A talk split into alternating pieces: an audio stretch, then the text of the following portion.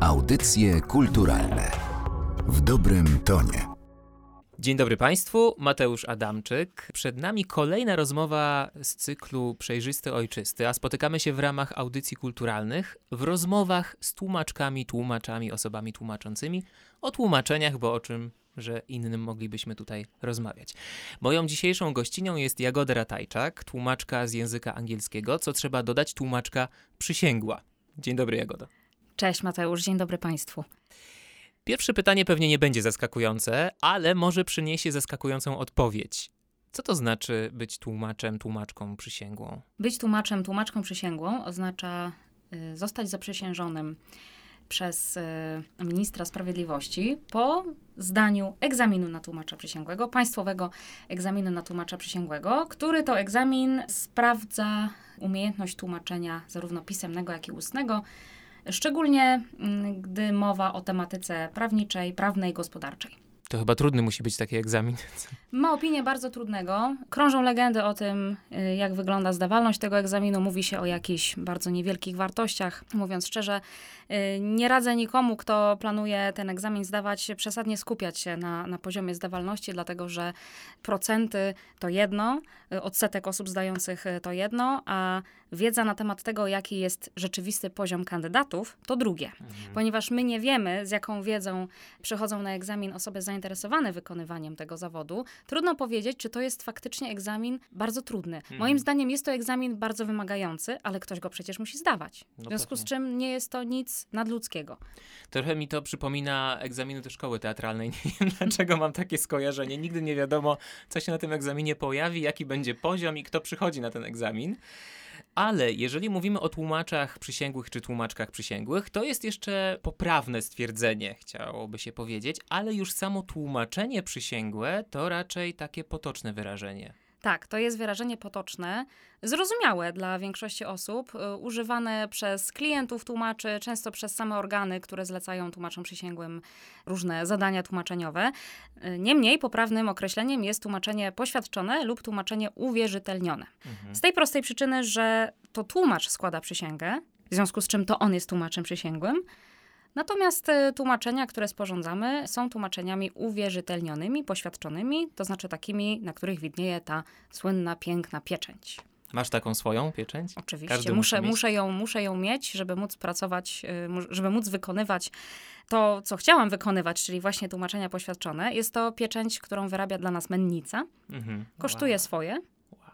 Tym razem musimy za to zapłacić, podobnie zresztą jak za egzamin. Nikt niestety nam tego nie funduje, ale oczywiście tak, pieczęć każdy tłumacz przysięgły ma.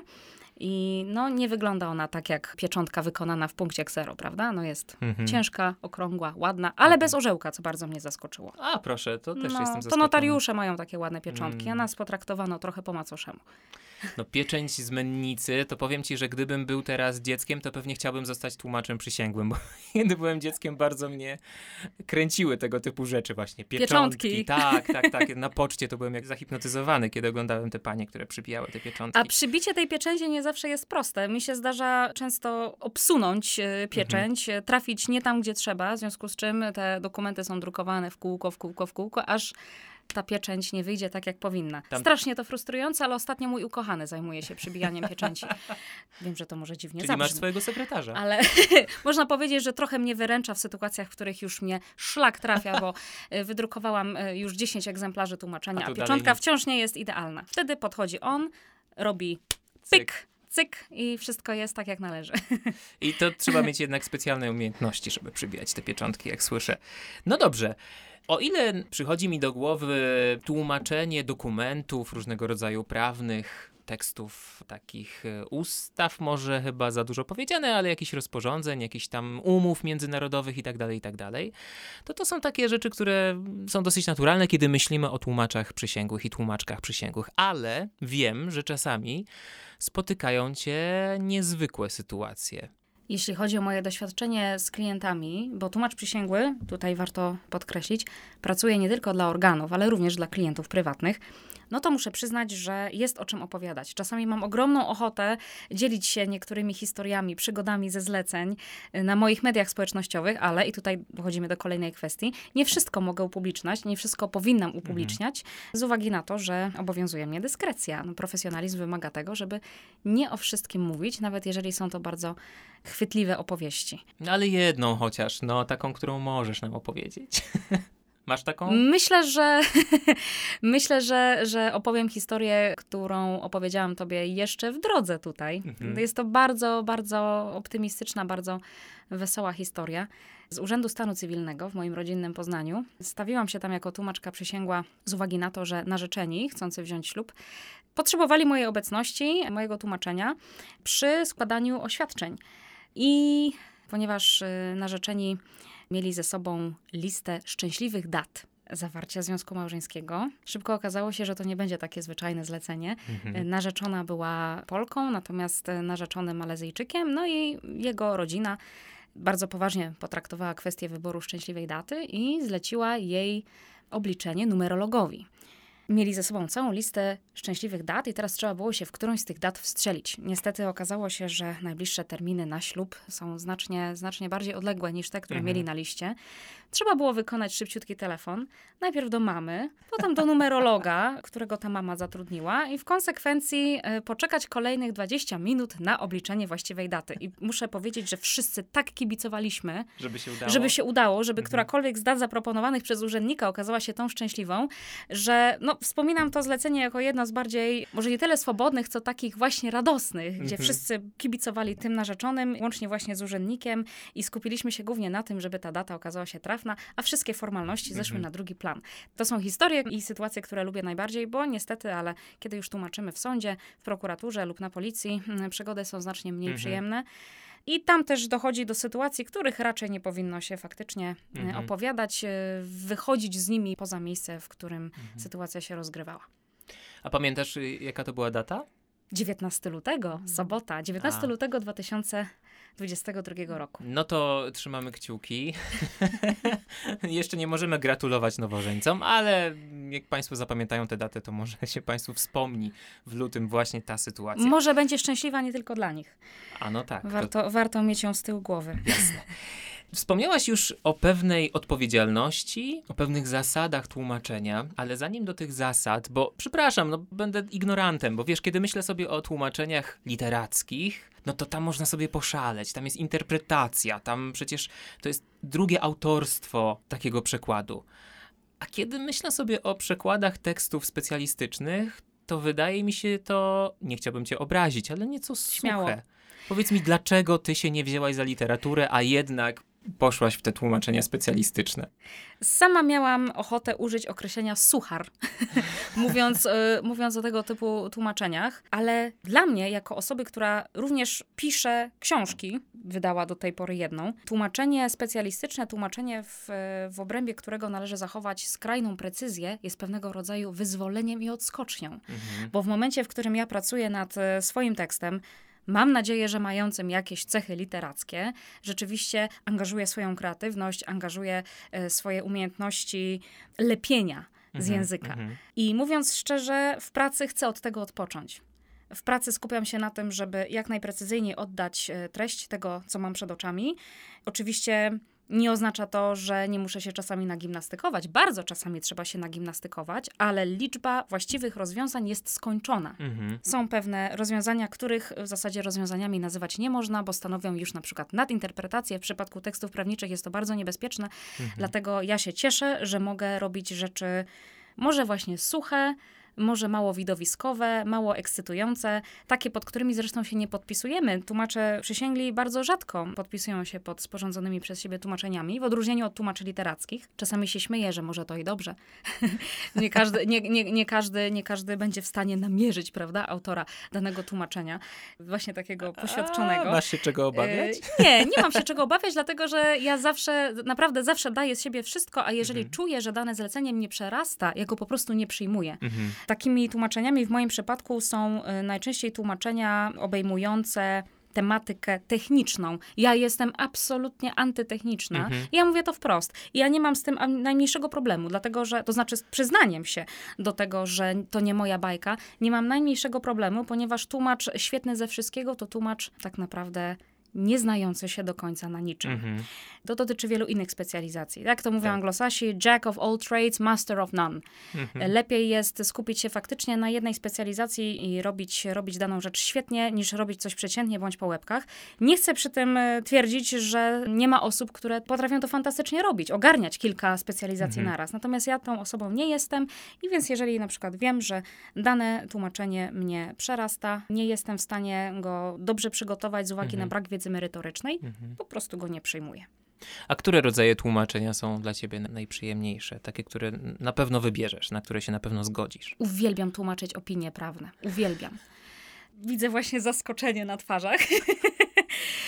Dla mnie jest to o tyle ekscytujące, że to jest po pierwsze ciekawe, jeżeli ktoś tak jak ja interesuje się prawem. Nie jestem prawniczką, Mhm. gwoli ścisłości, ale jeżeli kogoś ta tematyka interesuje, no to dowie się mnóstwo z takiego tłumaczenia. W ogóle tłumaczenie niezwykle sprzyja zdobywaniu wiedzy na różne tematy. Mhm. To jest pierwsza sprawa. Natomiast druga sprawa to ten specyficzny język, przez który trzeba się przebić. Jak kiedyś pisząc o tym rodzaju tłumaczenia, określiłam je jako ośmiornicę, której macki trzeba albo poobcinać, albo rozplątać. Dlatego, że język prawniczy, szczególnie ten, którym posługują się polscy prawnicy, potrafi być niezwykle aż ponad miarę zawiły. Mhm. Mhm. W momencie, kiedy ja muszę to przetłumaczyć na język angielski, naprawdę muszę się nagimnastykować, tak żeby, mm, żeby oddać treść w sposób dla anglosasów naturalny, czyli tak naprawdę dużo bardziej Mhm. em, klarowny. Y, Nie chcę mówić uproszczony, bo to bywa zwodnicze, ale Mhm. na pewno język angielski wymusza zastosowanie bardzo różnych od tych stosowanych w polszczyźnie zabiegów. To jest dla mnie gimnastyka i ćwiczenie intelektualne. Zrobić z Mhm. tego tekstu, który bywa niesamowicie zawiły, coś czytelnego, coś przyjemnego, a jednocześnie wciąż przekazującego pierwotną myśl. Z jednej strony jestem porażony tym, z jaką fascynacją o tym mówisz, bo kiedy ja słyszę tekst prawny, jakieś opinie prawne, to myślę sobie, a nie, to będzie jakaś najnudniejsza rzecz, którą przeczytałem w życiu. Zresztą tak jak teksty, nie wiem, które przychodzą z urzędów różnego rodzaju i my też staramy się je upraszczać, stąd ten nurt prostego języka, ale piętrzą się także w głowie e, problemy, no bo pomyślałem o czymś takim, że przecież mamy dwa porządki prawne. Kiedy tłumaczysz tekst z języka angielskiego na polski albo odwrotnie, to przecież nie jest tak, że, że one są przekładalne, czy inaczej, że tylko język jest tą barierą, również porządek prawny. Absolutnie tak. O, właśnie użyłam kalki, którą możemy usunąć. Zgadzam się. Zgadzam się w 100% i pewnie dlatego śmiejemy się z innymi tłumaczami przysięgłymi, że wybraliśmy sobie najtrudniejszą z możliwych specjalizacji, ponieważ medycyna jest wszędzie taka sama. Technologia, technika również. Natomiast porządki prawne są różne. W konsekwencji musimy się zmierzyć nie tylko z językiem, jak wspomniałeś, ale także z różnicami między systemami prawnymi, przy, przy czym różnice między mm, polskim systemem prawnym a common law, czyli tym anglosaskim, są kolosalne, w zasadzie są fundamentalne. Bardzo często się zdarza, że nie sposób tak naprawdę przystąpić do tłumaczenia danego tekstu bez douczenia się Mhm. w zakresie prawa, po prostu w zakresie prawa. Stąd też takie przekonanie niektórych osób, że najlepszymi tłumaczami przysięgłymi są prawnicy. Ja rozmawiałam na ten temat y, z Wojtkiem Wołoszykiem, który jest wspaniałym specjalistą, biegłym sądowym w dziedzinie jury lingwistyki. I tak naprawdę doszliśmy do wniosku, że powinniśmy spotkać się gdzieś w połowie. To znaczy, dobrze jest być trochę prawnikiem, trochę Mhm. językowcem, trochę tłumaczem, tłumaczem. Ale rzeczywiście nie da się tego robić naprawdę dobrze bez, e, bez znajomości prawa. Oczywiście ja nigdy nie będę takiej znajomości prawa posiadać, jaką posiada prawnik. Nie skończyłam studiów prawniczych, ale z drugiej strony nadrabiam wiedzą językową i myślę, że to uprawnia mnie do pracowania w tym zawodzie. Niemniej warto to wziąć pod uwagę. Mm, Dokształcenie się w zakresie mm, właśnie poszczególnych dziedzin, w których chcemy się specjalizować. To dotyczy również tłumaczy medycznych, technicznych, Mhm. e, również tłumaczy, którzy się e, już bardzo, bardzo, w czymś bardzo konkretnym specjalizują, na przykład w lotnictwie Mhm. czy w wojskowości. Mhm. W zasadzie tłumaczenie tego typu tekstów jest niemożliwe bez wiedzy merytorycznej. No tak. Zresztą ty zajmujesz się też popularyzowaniem wiedzy o tłumaczeniach e, specjalistycznych, bo każdy, kto śledzi twoje konto na Instagramie, do czego i państwa zachęcamy, to ma okazję uczestniczyć w takich wieczorkach, podwieczorkach właściwie, nie, jeżeli mnie pamięć nie myli. W kolacjach. W kolacjach, proszę bardzo. To ja już tu dwa posiłki wcześniej jestem. A i bo podwieczorki również organizuję. Podwieczorki w środy Mhm. z przerwami, bo niestety nie zawsze uda mi się przygotować e, podwieczorek. E, Dotyczą e, non-legal English, Mhm. czyli wiedzy z zakresu języka ogólnego, angielszczyzny ogólnej. Natomiast w piątki kiedy większość ludzi przygotowuje się do jakiegoś wyjścia, ja y, gotuję kolację z Legal English y, i, i na takich kolacjach przyglądam się różnym zagadnieniom prawnym, często u, używając jako przykładu różnych przypadków z popkultury. I Tak. zauważyłam, że to bardzo się ludziom podoba. Ale Ja- to nie są zawsze rzeczy proste. Mhm. Zdaję sobie z tego sprawę. Ja przypominam sobie taki przypadek bliski mojemu sercu akurat, ponieważ od, odkąd skończyłem 9 lat, to kocham tę artystkę. Jest nią Britney Spears, która niestety od 13 lat jest ubezwłasnowolniona, bo tak to się po polsku mówi. A tam y, analizowałaś, jak wygląda sytuacja prawna i jak ją przetłumaczyć na język polski, i że nie zawsze kuratela to właściwie kuratela. Różne, różne że te zagadnienia. ubezwłasnowolnienie jest y, przede wszystkim pojęciem z y, prawa polskiego. I my Tak. oczywiście, tłumacząc sobie rzeczywistość anglosaską, amerykańską w tym przypadku, nie jesteśmy często w stanie uciec od porównań do naszego systemu. No to jest Mhm. coś, co nam siłą rzeczy więcej mówi. Ale kiedy tłumaczymy pewne rzeczy, na przykład z myślą o czytelnikach, prawnikach, to tu już musimy zachować daleko idącą ostrożność, ponieważ zastosowanie określonego terminu, w tym Mhm. przypadku ubezwłasnowolnienie, od razu rodzi pewne konotacje. Od razu y, możemy tym samym zaryzykować niewłaściwą interpretację. Dlatego czym innym jest tak naprawdę tłumaczenie na potrzeby ogólne. Mhm. Możemy sobie na przykład w gazetach, w prasie, y, w gazetach, w prasie, no wiadomo, na jedno wychodzi. Możemy w prasie pisać o tym, że Britney Spears została ubezwłasnowolniona, Mhm. ale tak naprawdę nie jest to ubezwłasnowolnienie w polsko-prawnym Mhm. tego Mhm. słowa znaczeniu. Ja tego typu niuanse wyjaśniam na tychże kolacjach z Legal English. Najczęściej wszyscy wychodzą z tych kolacji z głową pełną informacji, które niekoniecznie da się łatwo przetrawić. Ostatnio mój znajomy mówi, Boże, dzisiaj znowu ta kolacja, znowu się dowiem, że przez całe życie byłem w błędzie na przykład. Ja sobie to akurat cenię. Tak y, zawalić sobie świat w piątek wieczorem. Wspaniała sprawa. Ale Wtedy ileż razy ja sobie zawalam ten świat. To jest, y, ja myślę, że chyba po to to wszystko robię. Ja po prostu lubię samej sobie burzyć y, rzeczywistość. I postawić ją na nowo, bo to chyba jest konsekwencją. Ale wydaje mi się też, że zbliżamy się do takiego tematu, który być może to zjawisko nie występuje, ale w mojej głowie jednak gdzieś tam kołacze. Nieprzekładalności pewnych terminów y, z jednego języka na drugi. Zdarzają się takie sytuacje, a jeśli ci się Oczywiście. zdarzają, to co wtedy? Jak to ograć? To jest y, temat, który spędza nam sens powiek i najczęstszą, najczęściej stosowaną taktyką w sytuacjach, w których mam tekst z y, nieprzetłumaczalnym, powiedzmy nieistniejącym w naszej rzeczywistości prawnej terminem, jest stosowanie przypisów. To jest też forma zabezpieczenia się dla tłumacza, no bo on jeżeli arbitralnie podejmie jakąś konkretną decyzję, no to istnieje zawsze ryzyko, że ta decyzja zostanie w jakiś sposób skrytykowana, podważona. Więc y, zabezpieczamy się jak tylko możemy, stosując właśnie, właśnie takie przypisy czy, czy uwagi dodatkowe. Ja robię to bardzo często, aczkolwiek nieczęsto się zdarza, żeby w danym tekście występowało na przykład zagęszczenie takich Mhm. trudnych z naszego punktu widzenia nieprzetłumaczalnych terminów. Weźmy taki przykład. Y, Bardzo dużo się mówi o tym, że w systemie anglosaskim mamy dwa rodzaje prawników. Solicitor and barrister. I barrister. Y, Kto jest to No właśnie. I teraz, y, teraz była burza w ogóle tutaj wśród polskich tłumaczy przysięgłych, jak tłumaczyć te terminy. Upraszczając, jak zwykle, bo tego typu dyskusje wymagają wielu uproszczeń, solicitor to prawnik, którego można porównać do prawnika pierwszego kontaktu, czyli takiego, z którym się kontaktujemy w celu ustalenia, jakie mamy szanse na wygraną w danej sprawie. Ten prawnik e, kompletuje dokumenty i kontaktuje się z drugim wymienionym przeze mnie prawnikiem, rodzajem prawnika, czyli z baristerem, mówiąc z Polska. Mhm.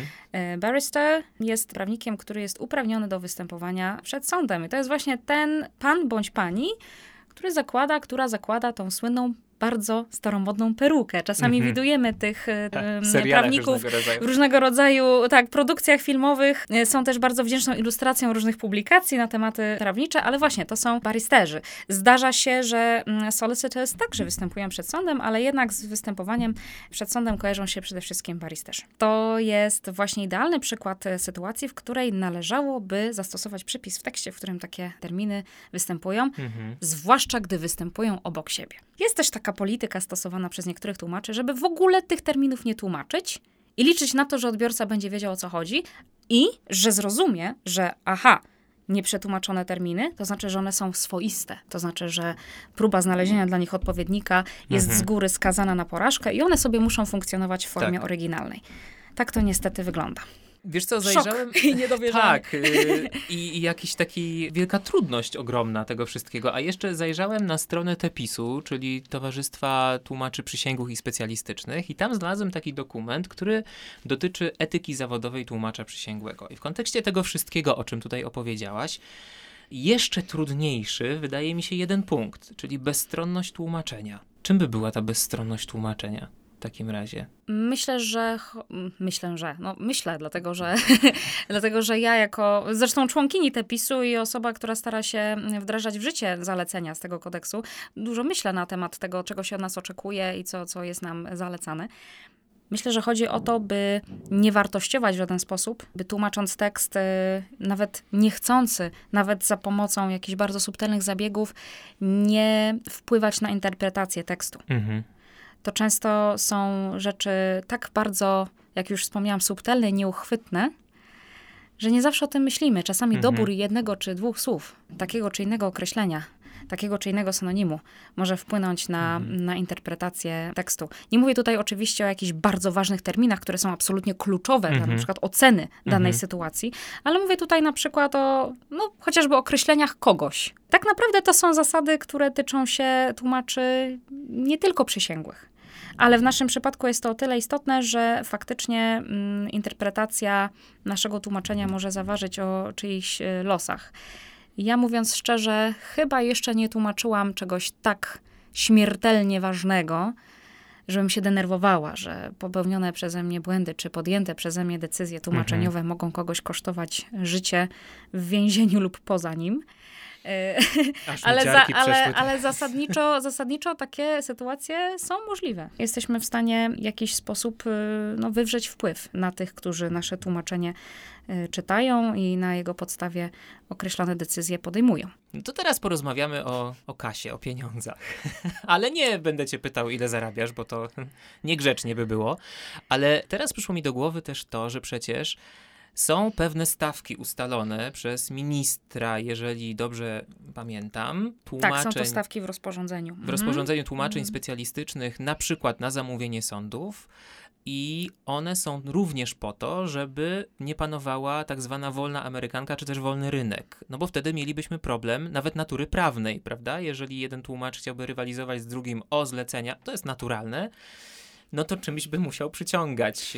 Jak ty to widzisz, tę sytuację? Bałabym się w takiej sytuacji, że tłumaczenia podzieliłyby los y, przetargów. Zwyciężałyby oferty najtańsze, a niekoniecznie najlepsze. Mhm. Y, Może nie będę się w ten temat zagłębiać, nie chcąc oddalać się po prostu od, od, Mhm. od y, sedna naszej dyskusji. Tak, zgadzam się, że to rozwiązanie póki co chyba jest właściwe, zwłaszcza, że w 2019 roku, po 15 latach, doczekaliśmy się podwyżek stawek ustawowych. Przy czym warto wspomnieć, bo też nie każdy o tym wie, Mhm. że stawki ustawowe, czyli te stawki, które reguluje rozporządzenie, obowiązują nas w przypadku zleceń realizowanych na rzecz organów, między Mhm. innymi sądów, prokuratury, policji.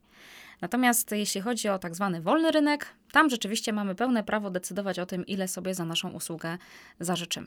Osoby takie jak klienci indywidualni, czy Mhm. przedstawiciele różnych, różnych firm, e, kancelarie, oni zazwyczaj są e, rozliczani według stawek komercyjnych, według stawek rynkowych. A jeśli chodzi o tłumaczenia dla sądów, no rzeczywiście te stawki zostały podniesione dość znacznie. Jest to wielki sukces organizacji Mhm. zrzeszających tłumaczy, które bardzo długo walczyły o to, żeby te stawki podnieść, no bo minęło 15 lat, wszystkie usługi na tym rynku podrożały. Oczywiście. nie mówiąc już o inflacji. Tak. A tłumacze wciąż gdzieś tam z tyłu, na samym końcu tego peletonu dreptali. Y, No i oczywiście to wpływa na poszanowanie tej pracy, prawda? Pamiętam, że kiedy zaczynałam e, swoją karierę jako tłumacz e, przysięgły, w ogóle tłumaczem jestem od lat 11, natomiast jako tłumaczka przysięgła pracuję od lat 3. Pamiętam, że kiedy byłam po raz pierwszy na rozprawie w sądzie, była to rozprawa rozwodowa, no spędziłam tam półtorej godziny, za które otrzymałam potem 30 złotych. Naprawdę? Nie mówiąc już o tym, że czekałam na wypłatę wynagrodzenia kolejny rok. I nie mówię tego e, dlatego, że nie mówię o tym dlatego, że chcę zniechęcić e, Mhm. ludzi do, do pracy w zawodzie, bo ja kocham moją pracę i ja nigdy jej nie zmienię. Poza tym właśnie, stawki rynkowe chronią nas przed śmiercią głodową. Jakie to piękne zdanie. Natomiast mówię o tym, żeby uzmysłowić ludziom, Mhm. że tłumacz przysięgły bywa bardzo często traktowany jak e, piąte Mhm, koło uwozu, jak kula u nogi. Wszyscy byśmy woleli być na czynnościach czy uczestniczyć w spotkaniach bez tłumaczy. Oczywiście, że tak. Każdy by chyba chciał Mhm. móc dogadać się bez pośredników. Ale właśnie to, że, że przynajmniej do niedawna tłumacze nie byli e, zbyt dobrze wynagradzani, wpływało właśnie moim zdaniem na brak szacunku dla ich pracy również. Myślę, że jesteśmy teraz na samym początku długiej drogi, Mhm. prowadzącej do uświadomienia ludziom, na czym zawód tłumacza polega, dlaczego umiejętność tłumaczenia bardzo się różni od znajomości języka w ogóle. Mhm. Bardzo się cieszę, że organizujecie takie właśnie spotkania, jak to, które właśnie trwa, bo, bo to, jest, to jest niesamowita inicjatywa mająca na celu po prostu edukować. Mhm. Bardzo jestem za to wdzięczna, ale być może jeszcze za, za wcześnie na wyrażanie wdzięczności, bo chyba jeszcze chwilę pogadamy. Tak, bo wiesz, myślę o tym, że o ile w ogóle sytuacja tłumaczy i tłumaczek w Polsce no jest taką sytuacją niskiej świadomości społecznej, to tym bardziej chyba dotyczy to właśnie tłumaczy specjalistycznych, bo możemy myśleć o przekładach literackich jako swego rodzaju interpretacji, jako swego rodzaju sztuce. To tutaj, tak mi się wydaje, taka świadomość społeczna ogranicza się do tego, że no, no przekładamy bardzo sztywny tekst na równie sztywny tekst w innym języku, posługujemy się mm, słownikami specjalistycznymi i właściwie tutaj nie ma żadnego pola ani do Mhm. interpretacji, ani do, do błędu i tak dalej, i tak dalej. Z tego, co nam opowiadasz dzisiaj wynika, że jest wręcz przeciwnie. Więc ja również się cieszę, że, że, że to wszystko usłyszeliśmy, bo ja sam poszerzyłem swoją świadomość na ten temat. Chociaż praca tłumaczy i tłumaczek jest mi dosyć bliska z różnych powodów, głównie towarzyskich. No Mm. spotykamy się co jakiś czas przy różnych okazjach, szkoleniowych również, Tak, to prawda. również. Chciałbym cię zapytać, a to jest pytanie, które jeszcze nigdy nie zadawałem tego pytania z, z takim wyczekiwaniem. Jakie jest twoje tłumaczeniowe marzenie? Chwila ciszy. Mówiąc szczerze, nie jest to tłumaczenie prawnicze, nie Mhm. jest to tłumaczenie specjalistyczne, tak naprawdę. Chciałabym móc kiedyś przetłumaczyć swoją własną twórczość. Yy, Rozmawialiśmy o tym przy okazji Mhm. naszego spotkania w zamku w zeszłym tygodniu. Zapytano mnie chyba wtedy o, o Tak. plany związane z, że- z przekładem mojej książki na języki obce i takie plany rzeczywiście są. Ale jeśli chodzi o język angielski, no na razie musimy poczekać na zainteresowanie rynku anglojęzycznego. Natomiast y, ja na pewno bałabym się zabrać za swoje własne Mhm. tworzywo, że tak powiem. To czekaj jeszcze, bo dla tych, którzy nie wiedzą, bo my tak rozmawiamy o tej książce, jakby to była wiedza, wiedza powszechna, a mówimy o książce Języcznic, czyli co język robi naszej głowie. Bardzo Państwu polecamy tę książkę, bo dowiedzą się Państwo z niej między innymi, że języki są jak huba na drzewie, że są rowerami, samochodami i autobusami, że możemy romansować z różnymi językami, że dwujęzyczność jest wpisana właściwie w naszą współczesność, że wszyscy jesteśmy native'ami. Mnóstwo bardzo pozytywnych I informacji. od razu widać, że pan I Adamczyk przeczytał ją Ja ją przynajmniej kilka trzy razy. razy, szanowna autorko, dlatego że za każdym razem odkrywam Zachwyca mnie to po nowego. prostu. Bardzo, Coś bardzo, pięknego. bardzo polecałbym Państwu tę książkę, bo to naprawdę jest perełka i z pełną odpowiedzialnością to mówię. Boże, dziękuję I za właśnie, te to, słowa. to kiedy tłumaczysz tę książkę? Być może, to się za to, marzenie. być może się za to zabiorę w ramach ćwiczenia i walki stoczonej z samą sobą. Ale tak naprawdę, mm, no, tak jak już zdążyłam wspomnieć, nie mam y, doświadczenia w tłumaczeniu tekstów literackich, a już szczególnie trudne moim zdaniem musi być tłumaczenie samego siebie. Myślę, że to musi być całkowicie inne doświadczenie od tłumaczenia cudzej książki. Poza tym, tak jak już zdążyłam wspomnieć, y, pamiętam niektóre potencjalnie problematyczne fragmenty z tej Mhm. książki i myślę sobie, o nie, ja się za to nie zabieram. Niech ktoś to zrobi za mnie. Ale tak naprawdę chciałabym móc to zrobić, móc to zrobić bardzo dobrze. Kto Mhm. wie, może się tego podejmę z kimś e, doświadczonym w tej materii. Mam nawet e, parę pomysłów na to, Mhm. kto to może być, ale myślę, że przy okazji o tym opowiem, kiedy już się troszeczkę zbliżymy do realizacji tego pomysłu. Rozumiem. A jako tłumaczka, kiedy pisałaś tę książkę, to od czasu do czasu myślałaś o tym, czy to jest przetłumaczalne, przetłumaczyć? Oczywiście. I to jest, e, to jest moim zdaniem najlepszy dowód na to, że jednak tłumacze w bardzo specyficzny sposób myślą. E, Dobrze, nie chcę generalizować, ale faktycznie łapałam się często na tym, że o, to jest tak mocno osadzone w polszczyźnie na przykład, ten czy inny żart słowny, Mhm. to czy inne nawiązanie również kulturowe, że tłumacz będzie miał ciężko. To mogłaś już takie notatki robić na przyszłość. A, oczywiście, że je mam. Oczywiście, że je mam. Tylko teraz pytanie, czy się tak naprawdę przydadzą. Ja sobie wyobrażam, że dla tłumacza czy dla tłumaczki, którzy mieliby tłumaczyć swoją książkę, to będzie z jednej strony może i dobre, a z drugiej strony będziesz najbardziej piekielną autorką, jaką sobie można wyobrazić, bo masz tę świadomość, jak to powinno być przetłumaczone, albo jaki masz na to pomysł i będziesz może przy tym obstawać. Ja mocno. myślę też, Mateusz, że tłumaczenie książki napisanej przez kogoś, kto sam jest tłumaczem i potem na przykład może owoc tej pracy tłumaczeniowej ocenić, przeczytać, też musi być bardzo stresujące. Ale ja na przykład y, staram się nie oceniać przesadnie krytycznie swoich kolegów po fachu, bo wiem, jak trudną mają pracę. No, jeżeli samemu się coś, e, coś robi, skosztowało się pewnych wyzwań, to jest się troszeczkę bardziej wyrozumiałym dla innych.